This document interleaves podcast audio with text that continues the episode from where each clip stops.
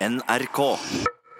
Avengers har kommet for å legge verden, og spesielt verdens kinopublikum, for sine føtter, og du skal få høre hvorfor Avengers Endgame er en dundrende blockbuster som morer, beveger og underholder. Ja, og så skal vi ta et streif bakover i tid og plukke fram noen av våre favorittfilmer fra det nå 22 filma store Marvel Cinematic Universe. Og så skal vi fortelle deg hvorfor kombinasjonen Jonah Hill, skating og 90-talls nostalgi har blitt til en rå og morsom kinofilm.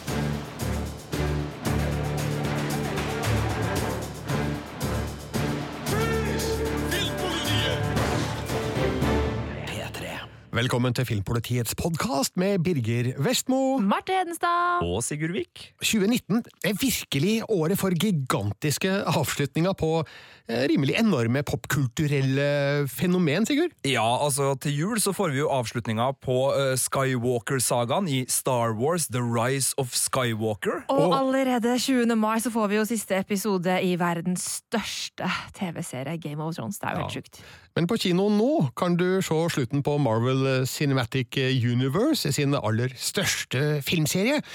Det handler om den fjerde Avengers-filmen, som runder av historien om Infinity-krigen, og den heter Avengers Endgame. He used the stones again. Hey, hey, hey.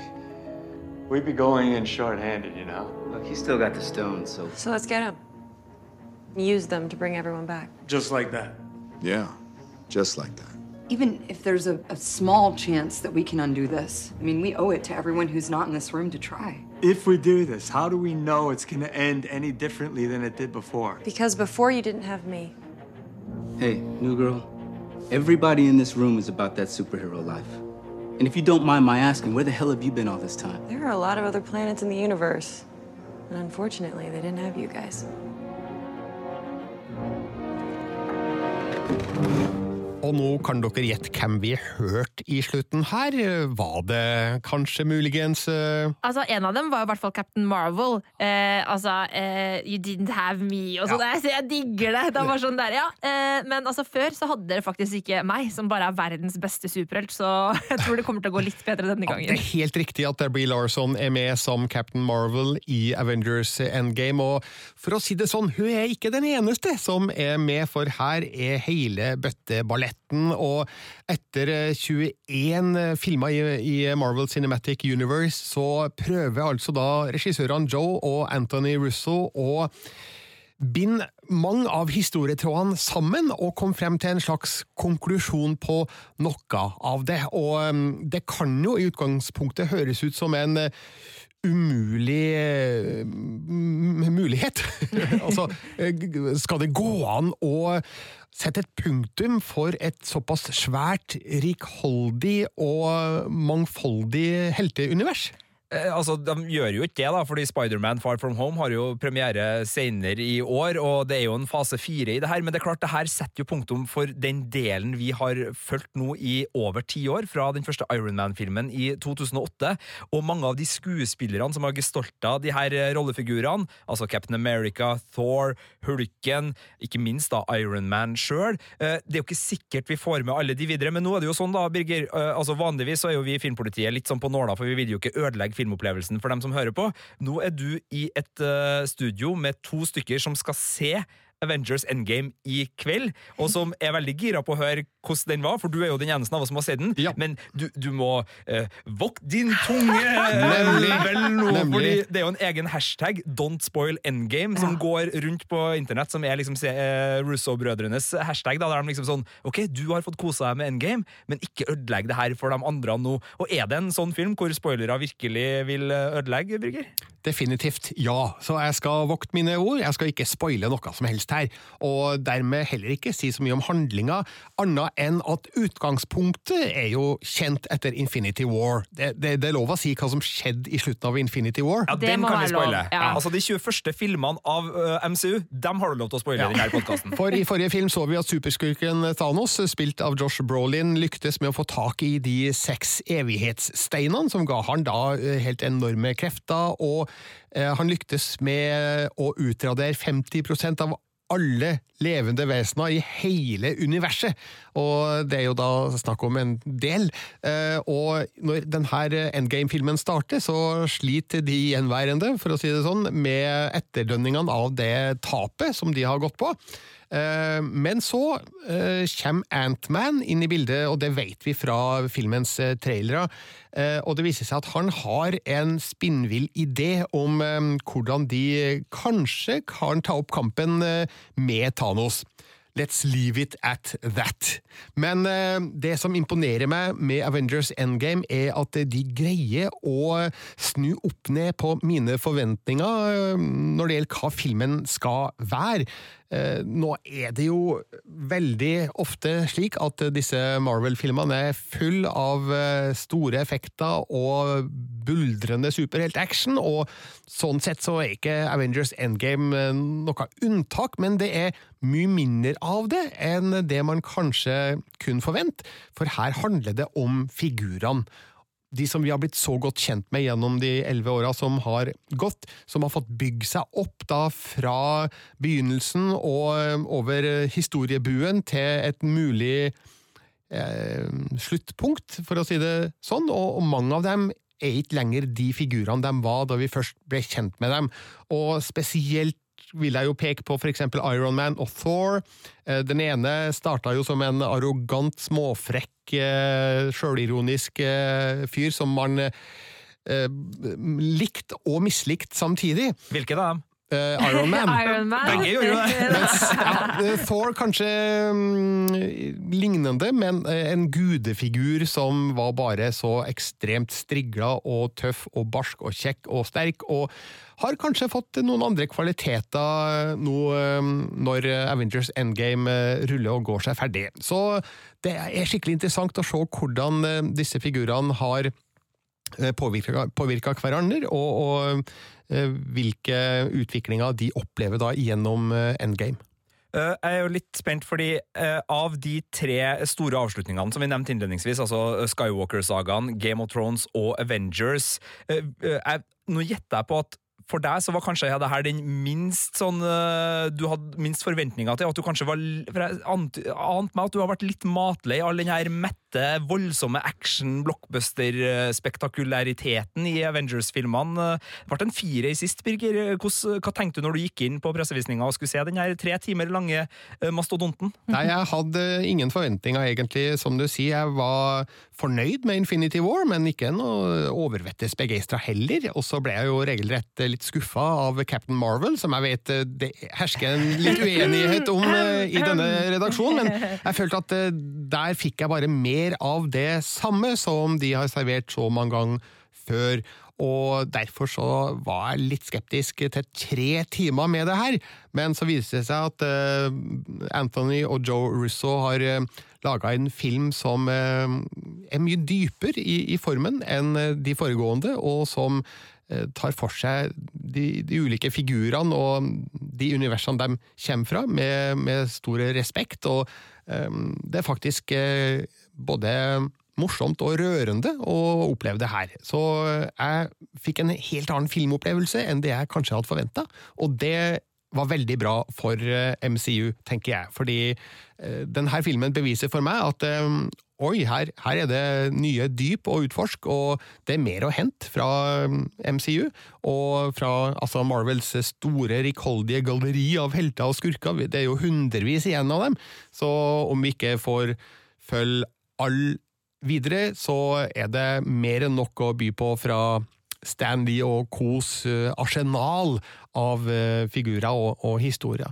Eh, så nei, jeg tror at Avengers Endgame kommer til å komme som en overraskelse på flere, fordi den, den lodder dypere enn vi kanskje har forventa at en MCU-film skal gjøre. Du skriver jo i anmeldelsen din at den kommer til å legge verden for sine føtter. og Er det her en film som på en måte kan bli den litt sånn perfekte stormen? Fordi den har allerede et kjernepublikum som er voldsomt svært, og som elsker eh, superheltene her. Eh, som enten kommer fra tegnefilmene, eller eh, som, nei, tegneseriene, eller eh, som bare digger store actionfilmer. Og de hadde sett den her uansett. Men i tillegg da, så har jo kritikken vært jevnt over god til eh, fantastisk.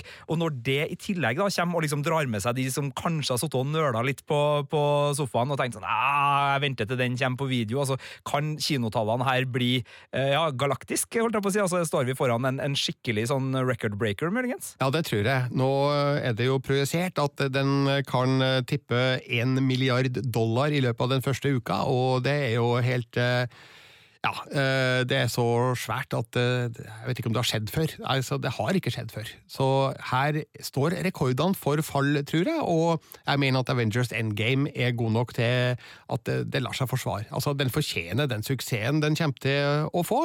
Eh, så det her er et merkepunkt for alle som har det minste lille interesse for superheltsjangeren. Og det er jo utrolig mange som har det, og i kommentarfeltet vårt på Filmpolitiet sine nettsider så så er det jo mange som er veldig begeistret for filmen. For den har jo allerede hatt premiere for vanlige folk onsdag denne uken. Eh, og der er det en del som sier 'hvorfor ikke terningkast seks, Birger'? Hvorfor ikke terningkast seks? For du, du tilhører en femmer på terningen. Ja, nemlig. Eh, det skal jeg fortelle deg. Nå må jeg ha tunga rett i munnen her. um, det handler faktisk først og fremst for meg om actionscenene. Mm. Som jeg var inne på, det er litt færre av dem. Altså, de er der i fullt monn herregud. Men det er ikke så mye av det som eh, man kanskje kunne tro. Altså, Filmen lener seg ikke på actionscenene. Og klart, det er svært og spektakulært, men eh, jeg syns da at uh, Russo-brødrene de er ikke like flinke til å skape spenning og nerve i disse actionscenene som uh, i anmeldelsen min peker jeg på James Cameron og og James Gunn de er ikke så gode på å skape stiliserte sci-fi-tablåer som som virkelig fester seg hos deg. Da. Det blir en sånn digital graut av eh, eksplosjoner og laserstråler. Det er kanskje ikke så mye laserstråler i Avengers-universet, tenker på, men, men, men uh, våpen eh, Våpenrunking, går det an å si det? Det, ja, veldig, det synes jeg var et veldig fint ja. ord. Fantastisk. så det er, mm, det, det er der det skorter mest da, for, for min del. Og så er det noen scener her som er sånn åpenbar fanservice, eh, mm. som jeg tenker at ok, de kunne nok ha spart seg for det. Det er for eksempel en eh, ja, nei, jeg skal ikke si nei, det. det skal du ikke. Det skal du ikke. Jeg tok meg i det her, men eh, det er jo det samme som pågår nå i Game of Thrones sesong åtte.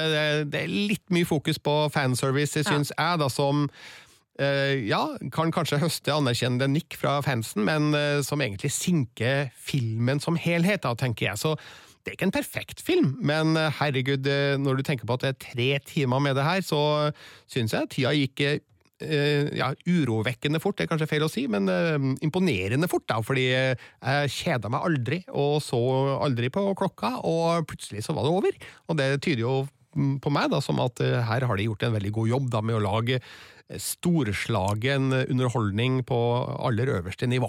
Så må vi huske at terningkast fem er en god karakter. Marte. Du, det er en kjempekarakter. Jeg bare er kommentarfeltets stemme inn i denne podkasten. Ja, nemlig. Så uh, gå for all del og se Avengers uh, Endgame.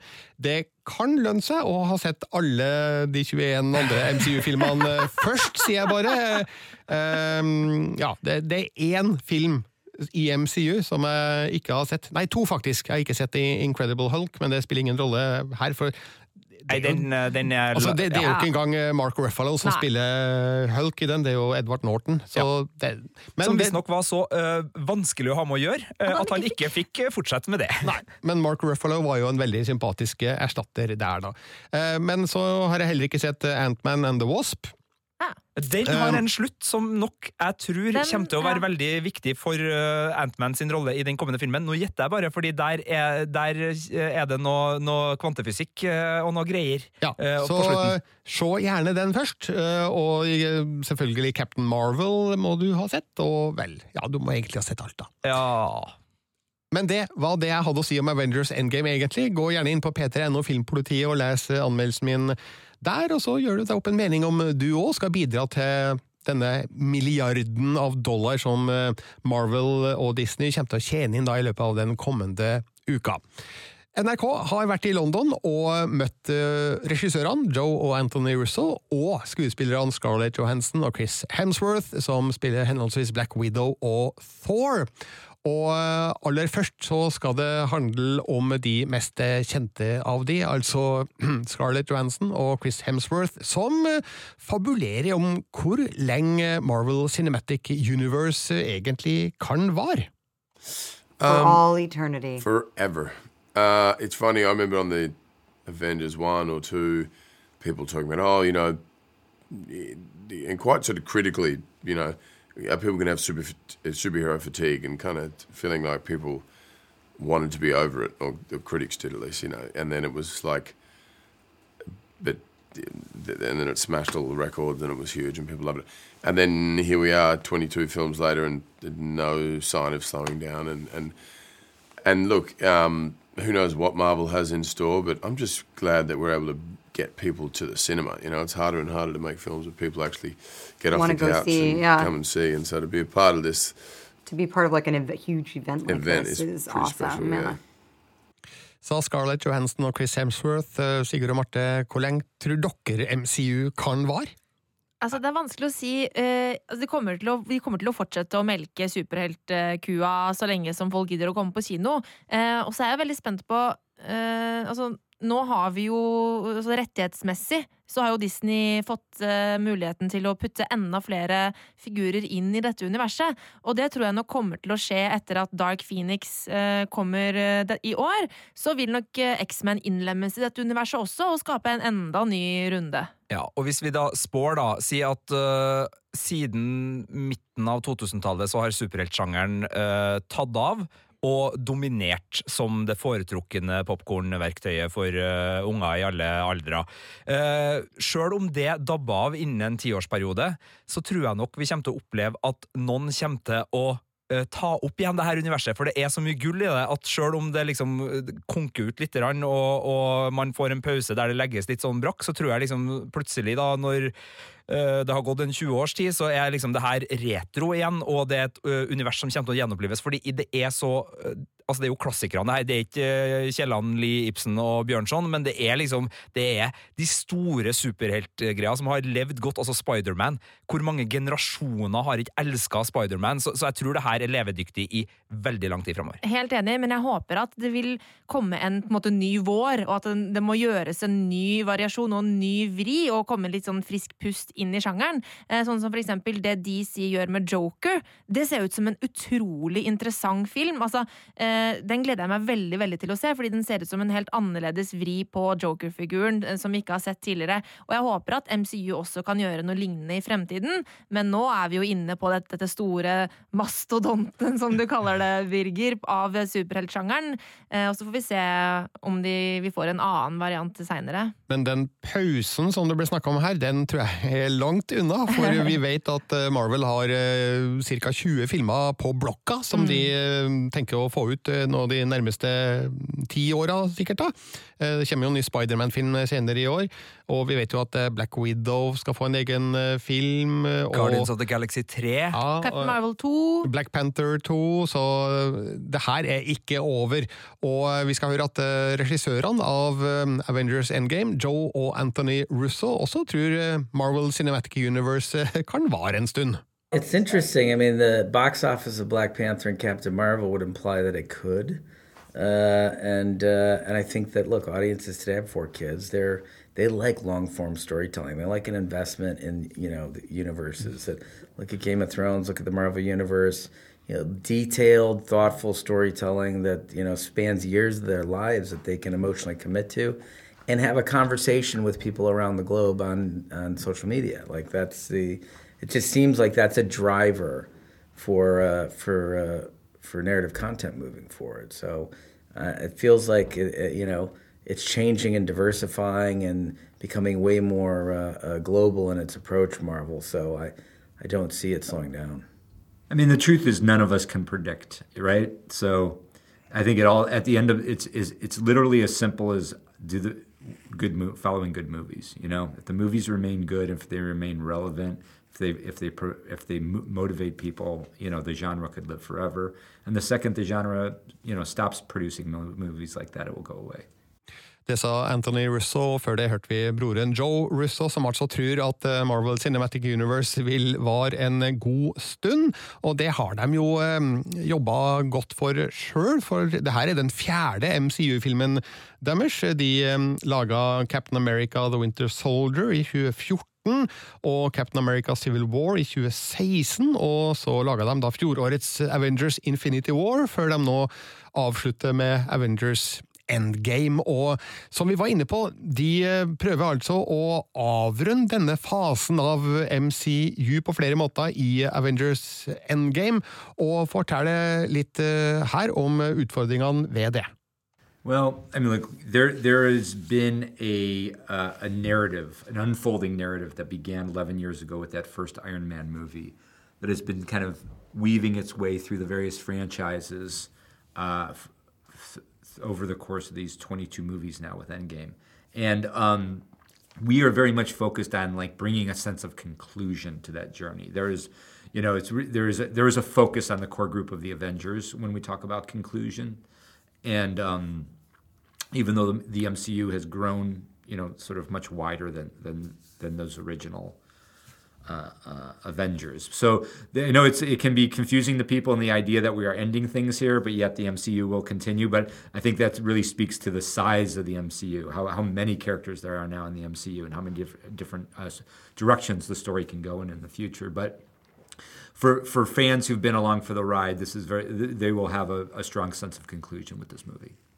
Det sa Anthony Russo. Høres det skummelt ut, Sigurd og Marte, at uh, de konkluderer i uh, Avengers Endgame på et eller annet vis? Men jeg syns jo det er bra, for jeg syns jo det er fint at vi får en avrunding på den eh, La oss kalle det sagaen som, som, vi, som vi har fått til nå, og at vi veit at vi skal inn i en ny fase av MCU, så må jo denne fasen vi er inne i nå, få en konklusjon. Og selv om jeg på en måte eh, kanskje blir litt så nervøs for hva det betyr for hvem som skal overleve ditt og datt osv., så, videre, så, så syns jeg det samtidig er, er fint. Jeg er helt enig, og det som er fint, er jo at uh, sånne ting gir oss muligheten til å bli litt nostalgisk også, og tenke litt bakover, og tenke på det som har vært. Altså, for hvis det bare liksom alltid er liksom, uh, tilbake til start, og ingen konsekvenser hver eneste gang, så det, det funker jo for en del TV-serier, men for store filmfranchiser så blir det litt for, for, enkelt. Det skal være noe på spill, og det skal svi når det svir. Nå har ikke jeg sett filmen ennå, men jeg regner med at jeg kommer til å sitte med uh, blanda følelser. og for å ta det med Game of Thrones, kanskje en bittersweet ending det vet jeg ingenting ja. om, men, men, det frykter jeg, da. Ja, I innboksen min på Instagram og Snapchat har vært full av folk som har sett den, og heldigvis ikke spoila noe, men fortalt at ja, de gråt. Ja. Men uh, hvis vi skal sku tilbake, for det her er jo en glimrende anledning til det. Det er en slutt som ikke er en slutt, som, som Russo sa her. Uh, og hvis vi skal plukke ut de to filmene fra de nå 22 uh, MCU-filmene, altså Marvel Cinematic Universe-filmene, som vi virkelig har kosa oss med. Og da bare for ordens skyld, her er ikke X-Men og Deadpool og sånn med, sjøl om det er Marvel-helter, så er ikke de med i denne franchisen. Dette er Marvel Cinematic Universe, uh, som også har TV-serier som Daredevil, Luke Cage osv., men nå holder vi oss til, til filmene. Og det starta i 2008 med Iron Man, og det får en slags slutt nå, da, i 2019 med Avengers Endgame. Uh, 22 filmer. Hva, hva sier dere? Birger, du kan få start. Du har jo anmeldt nesten alle av dem. Ja, Det er skikkelig vanskelig å plukke ut uh, to favoritter av de 22, altså. Men uh, jeg har landa på de to som kanskje mora og underholdt og overraska meg mest. Og da er ikke Avengers Endgame med i det galleriet, kan vi si det. Og den første jeg vil trekke frem da, er Captain America, The First Avenger, som på mange måter er en av de mest annerledes MCU-filmene, fordi mye av handlinga her foregår på 1940-tallet. Det handler jo da om hvordan Steve Rogers, spilt av Chris Evans, blir laga til en slags supersoldat, og hvordan han kjemper mot den skurkete organisasjonen Hydra, som ja, det er vel rett og slett nazister, bare at det ikke heter det. Og vi elsker jo uh, når superhelter slåss mot nazister! Ja, vi gjør det. Og jeg elsker det visuelle uttrykket i filmen, fordi selv om den er selvfølgelig laga med alle moderne virkemidler, så befinner vi oss like fullt i et sånn som regissør Joe Johnson har gjort før i The Rocketeer, en annen film som jeg liker veldig, veldig godt. Og Captain America The First Avenger er en slags videreføring av det han gjorde der, da.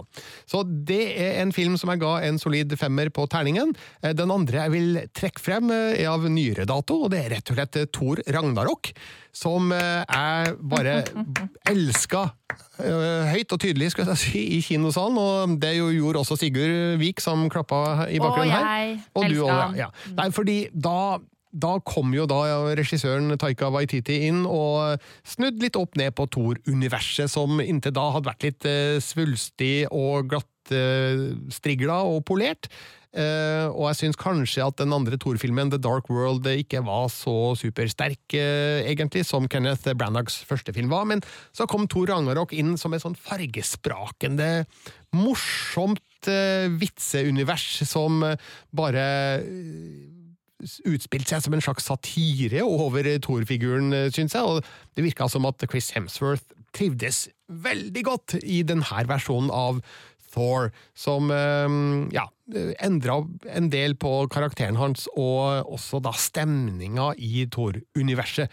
Og så har den jo selvfølgelig da Jeff Goldblum i en fortryllende rolle som stormesteren på planeten Sakar. Så der har du mine to høydepunkt fra MCU. Hva skal jeg få gå and? Uh, ok, uh, jeg Jeg må bare si til Birger to veldig gode valg. Ja. I much approve of them both. De er begge på min topp fem-liste over MCU-filmer. Ja, jeg tror kanskje min favoritt er på din topp fem-liste også, Sigurd. eh, For at eh, min absolutte favoritt er Guardians of the Galaxy. Eh, For den, altså Du snakket om frisk pust. altså Guardians of the Galaxy kom jo som et så utrolig vanvittig friskt pust i 2014. Eh, Og det var så utrolig gøy med den 80-tallsnostalgien på musikken. Det var så mye deilig humor. 70-tallsnostalgi på musikken. ja, eh, 70-talls, da. Jeg er ikke så nøye på det.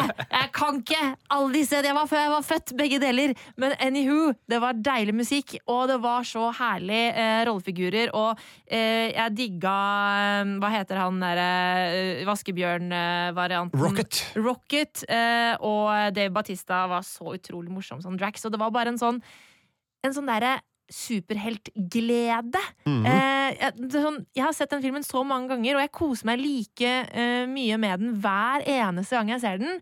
eh, rett og slett pga. den derre gleden. Eh, og eh, oppfølgeren syns jeg ikke var like god, eh, men det var bare det at ja, det var et eller annet bare med bare dynamikken mellom alle rollefigurene og det castet som fungerte så bra eh, på kjemifronten.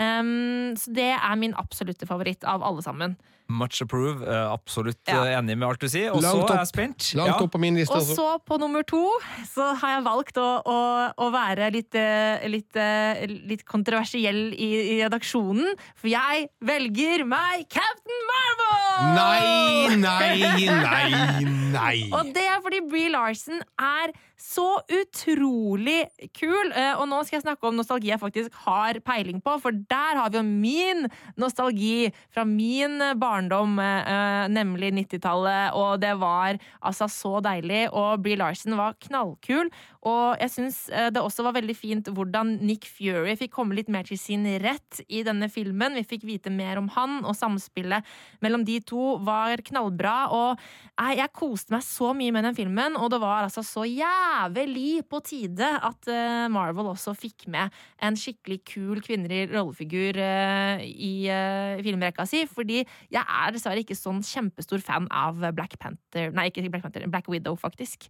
Eh, sånn at eh, for Åh. meg så var Captain Marvel en veldig etterlengtet eh, eh, figur og film som absolutt innfridde mine forventninger. Ja, jeg syns figuren er veldig bra, mye bedre enn eh, filmen ellers. Jeg har en del ankepunkter mot den, men det skal ikke jeg ta opp nå, da, for å ikke ta fra filmen den glansen du nå har Nei, ikke sant. Ja, men det er bra. på den. Det er veldig så bra. den fikk terningkast tre av Birger. Eh, Terningkast fem av Marte. Ja. ja. Men den egentlige grunnen til at du elsker den så mye, Marte, Er katten. det er katten.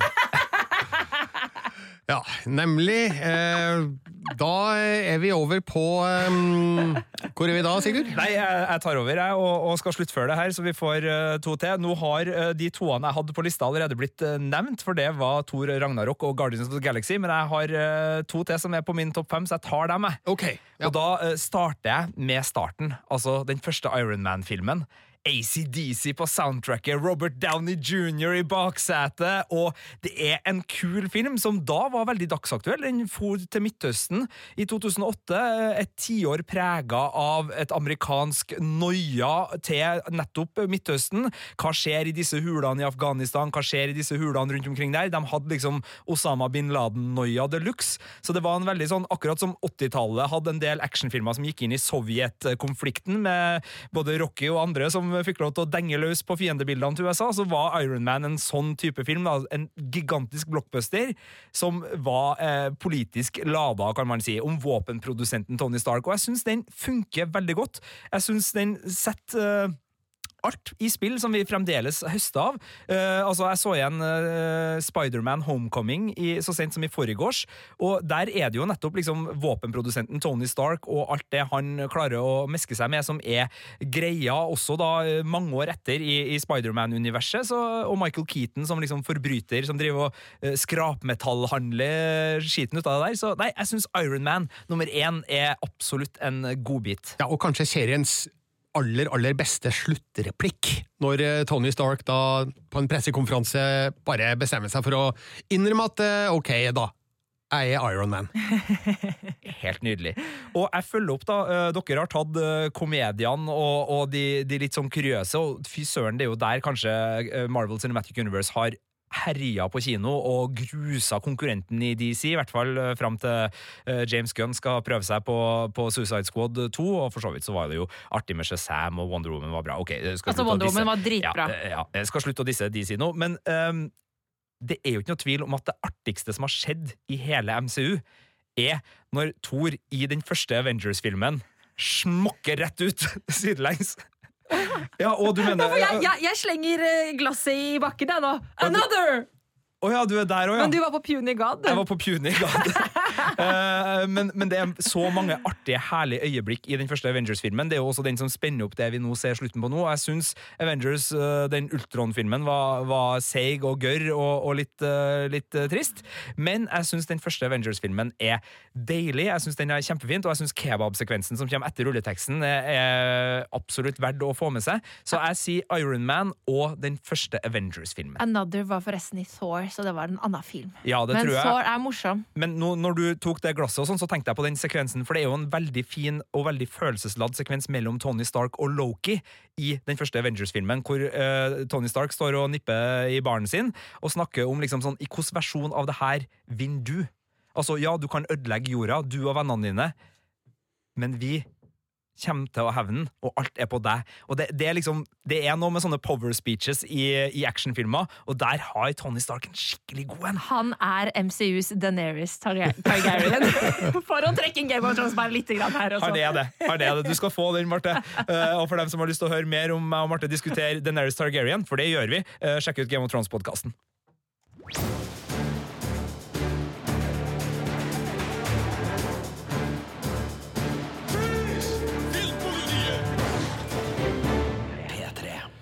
Vi skal over til en av ukas premierefilmer, eh, som da ligger i skyggen av Avengers Endgame, får vi si, men det er all mulig grunn til å sperre øynene opp for Jonah Hills regidebut Mid-90s.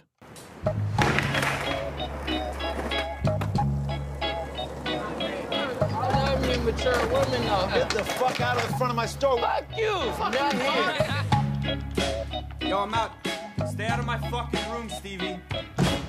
Oh, oh fuck. Yo, what bad. the fuck? Oh, shit. You think you're pretty cool. Your ghetto ass friends. You good? Uh. You think you're tough and shit. You're just a little fucking kid. A lot of the time, we feel like our lives are the worst. But I think if you looked in anybody else's closet, you wouldn't trade your shit for their shit. So let's go.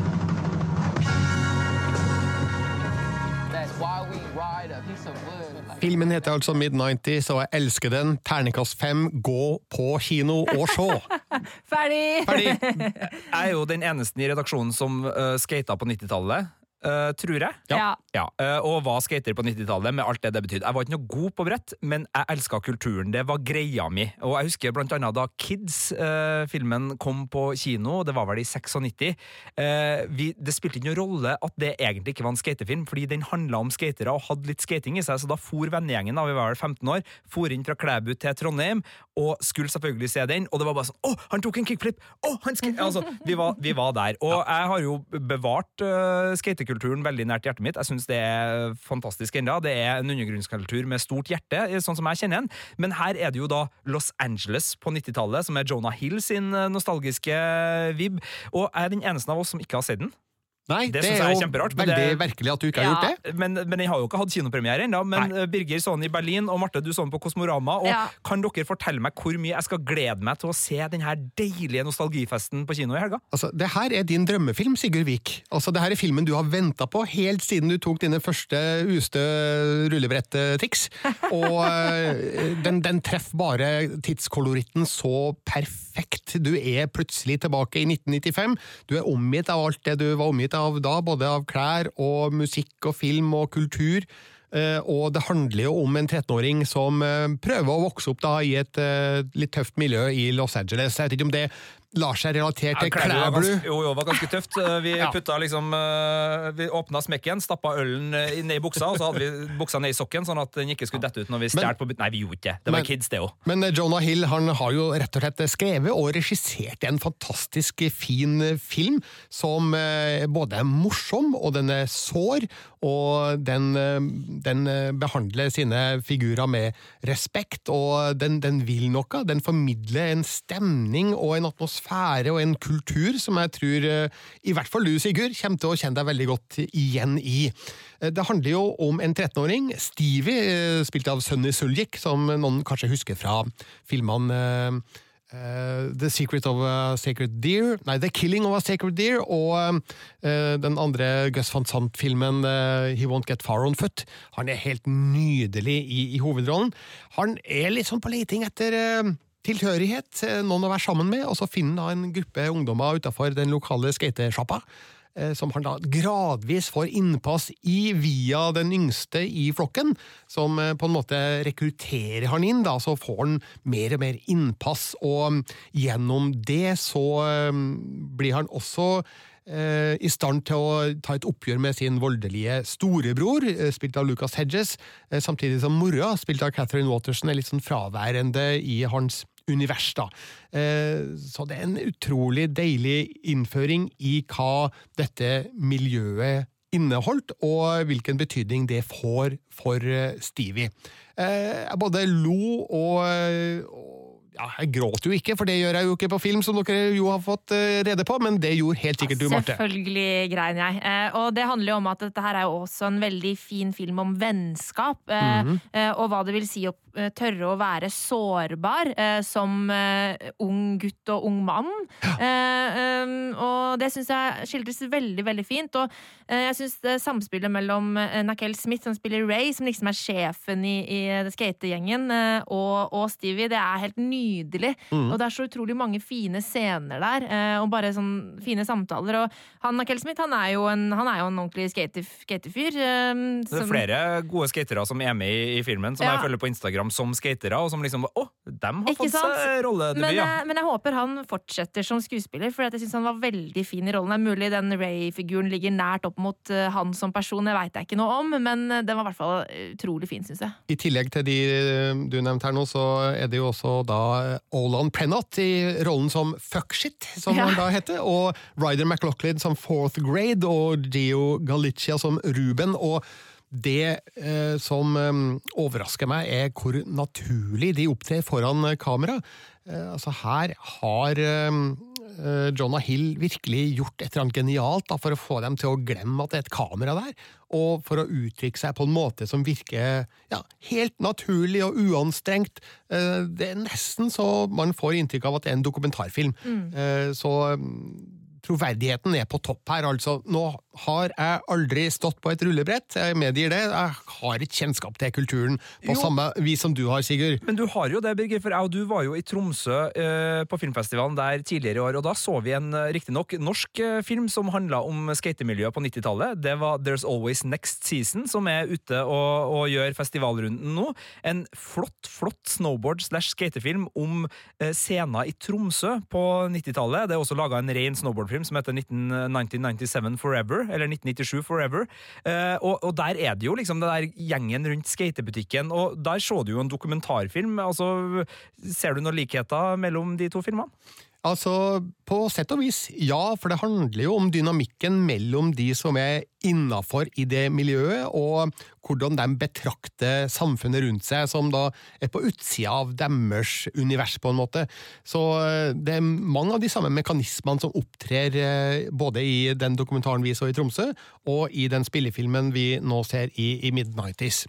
Så jeg føler jo at dæven, det her er et miljø jeg skulle ha vært en del av, men det fantes ikke i Stjørdal på, på midten av 80-tallet, som var var eh, tiår. Ja, det var ikke lov. Det var ikke lov med skate... Du, du, du var lovbryter, Birger Vestmo, hvis var, du drev og kjørte rullebrett på Stjørdal på de tid. Jeg tror det knapt var asfalt i Stjørdal eh, på midten av 80-tallet, så det var ikke så mye å skate på, faktisk, eh, Sigurd. Men eh, nei, vi var litt seint ute med skating, kanskje, da der jeg Jeg vokste har opp. skata på Stjørdal på 90-tallet. Du har det, Jeg var på badmintonturnering i Stjørdal i 97. eh, Og da Er ikke du vi- kretsmester i badminton? Nei, det greit, så er er det- jeg ikke. Men, eh, men jeg kan være villig til å, å, å ha det ryktet for meg. Nei, Men, Nei eh, det har jeg ikke. Men eh, tilbake til mid-90s. eh, altså virkelig elsker filmen.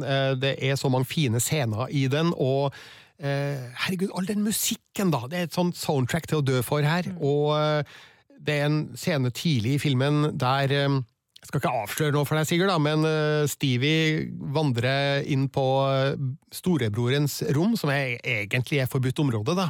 Men der ser du alle plakatene og Nintendo-konsollene og um, all musikken, og du er plutselig transportert tilbake til 1995. Eh, men altså, bortsett fra den ene scenen, da, så er det ikke sånn in your face. Du blir ikke påtrengende trygt inn i 90-tallet her, men det er bare deilig å se at tidsepoken skildres så sannferdig og troverdig da, som det gjør i mid-90s. Så Riktignok så har jeg ikke strukket meg opp til sekseren på den her heller, og grunnene til det er først og fremst at det er noe uforløst i historien mellom eh, Stevie og store, storebroren Ian. Det, er mer der som eh, kunne vært utforska, men som blir liggende. Og så har jeg trukket litt fordi historien om Stevie den har ikke noe naturlig sted å lande. Eh, Det kan jo selvfølgelig argumenteres med at ja, men han, han er jo ikke ferdig med oppveksten sin, han er jo fremdeles bare 13 år når filmen er ferdig, men eh, ja, den, jeg, kunne ha tenkt meg en litt mer konkluderende avrunding da, av den historien. Ja, og nå øh, er jeg villig til å allikevel glede meg maksimalt, for jeg vet at Birger Vestmo han gir ikke ut mange seksere, og øh, ordet mesterverk blir ofte brukt for at det skal få en terningkast seks-status av, øh, av deg, Birger.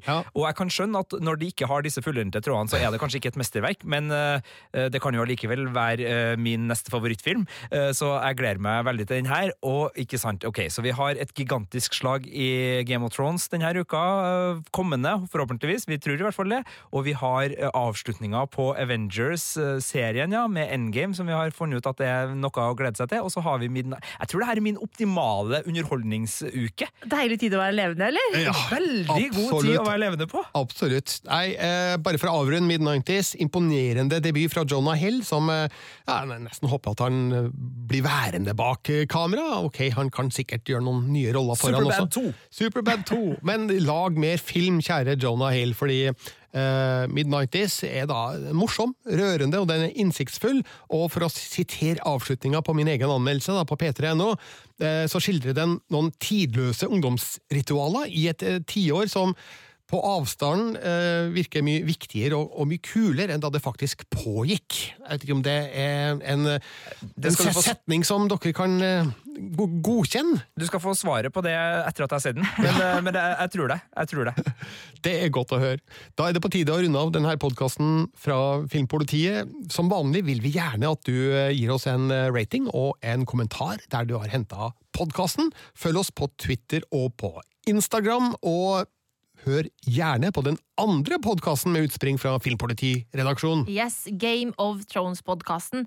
Og vi kan jo bare skyte inn helt sånn avslutningsvis at vi har en konkurranse gående på Instagram nå.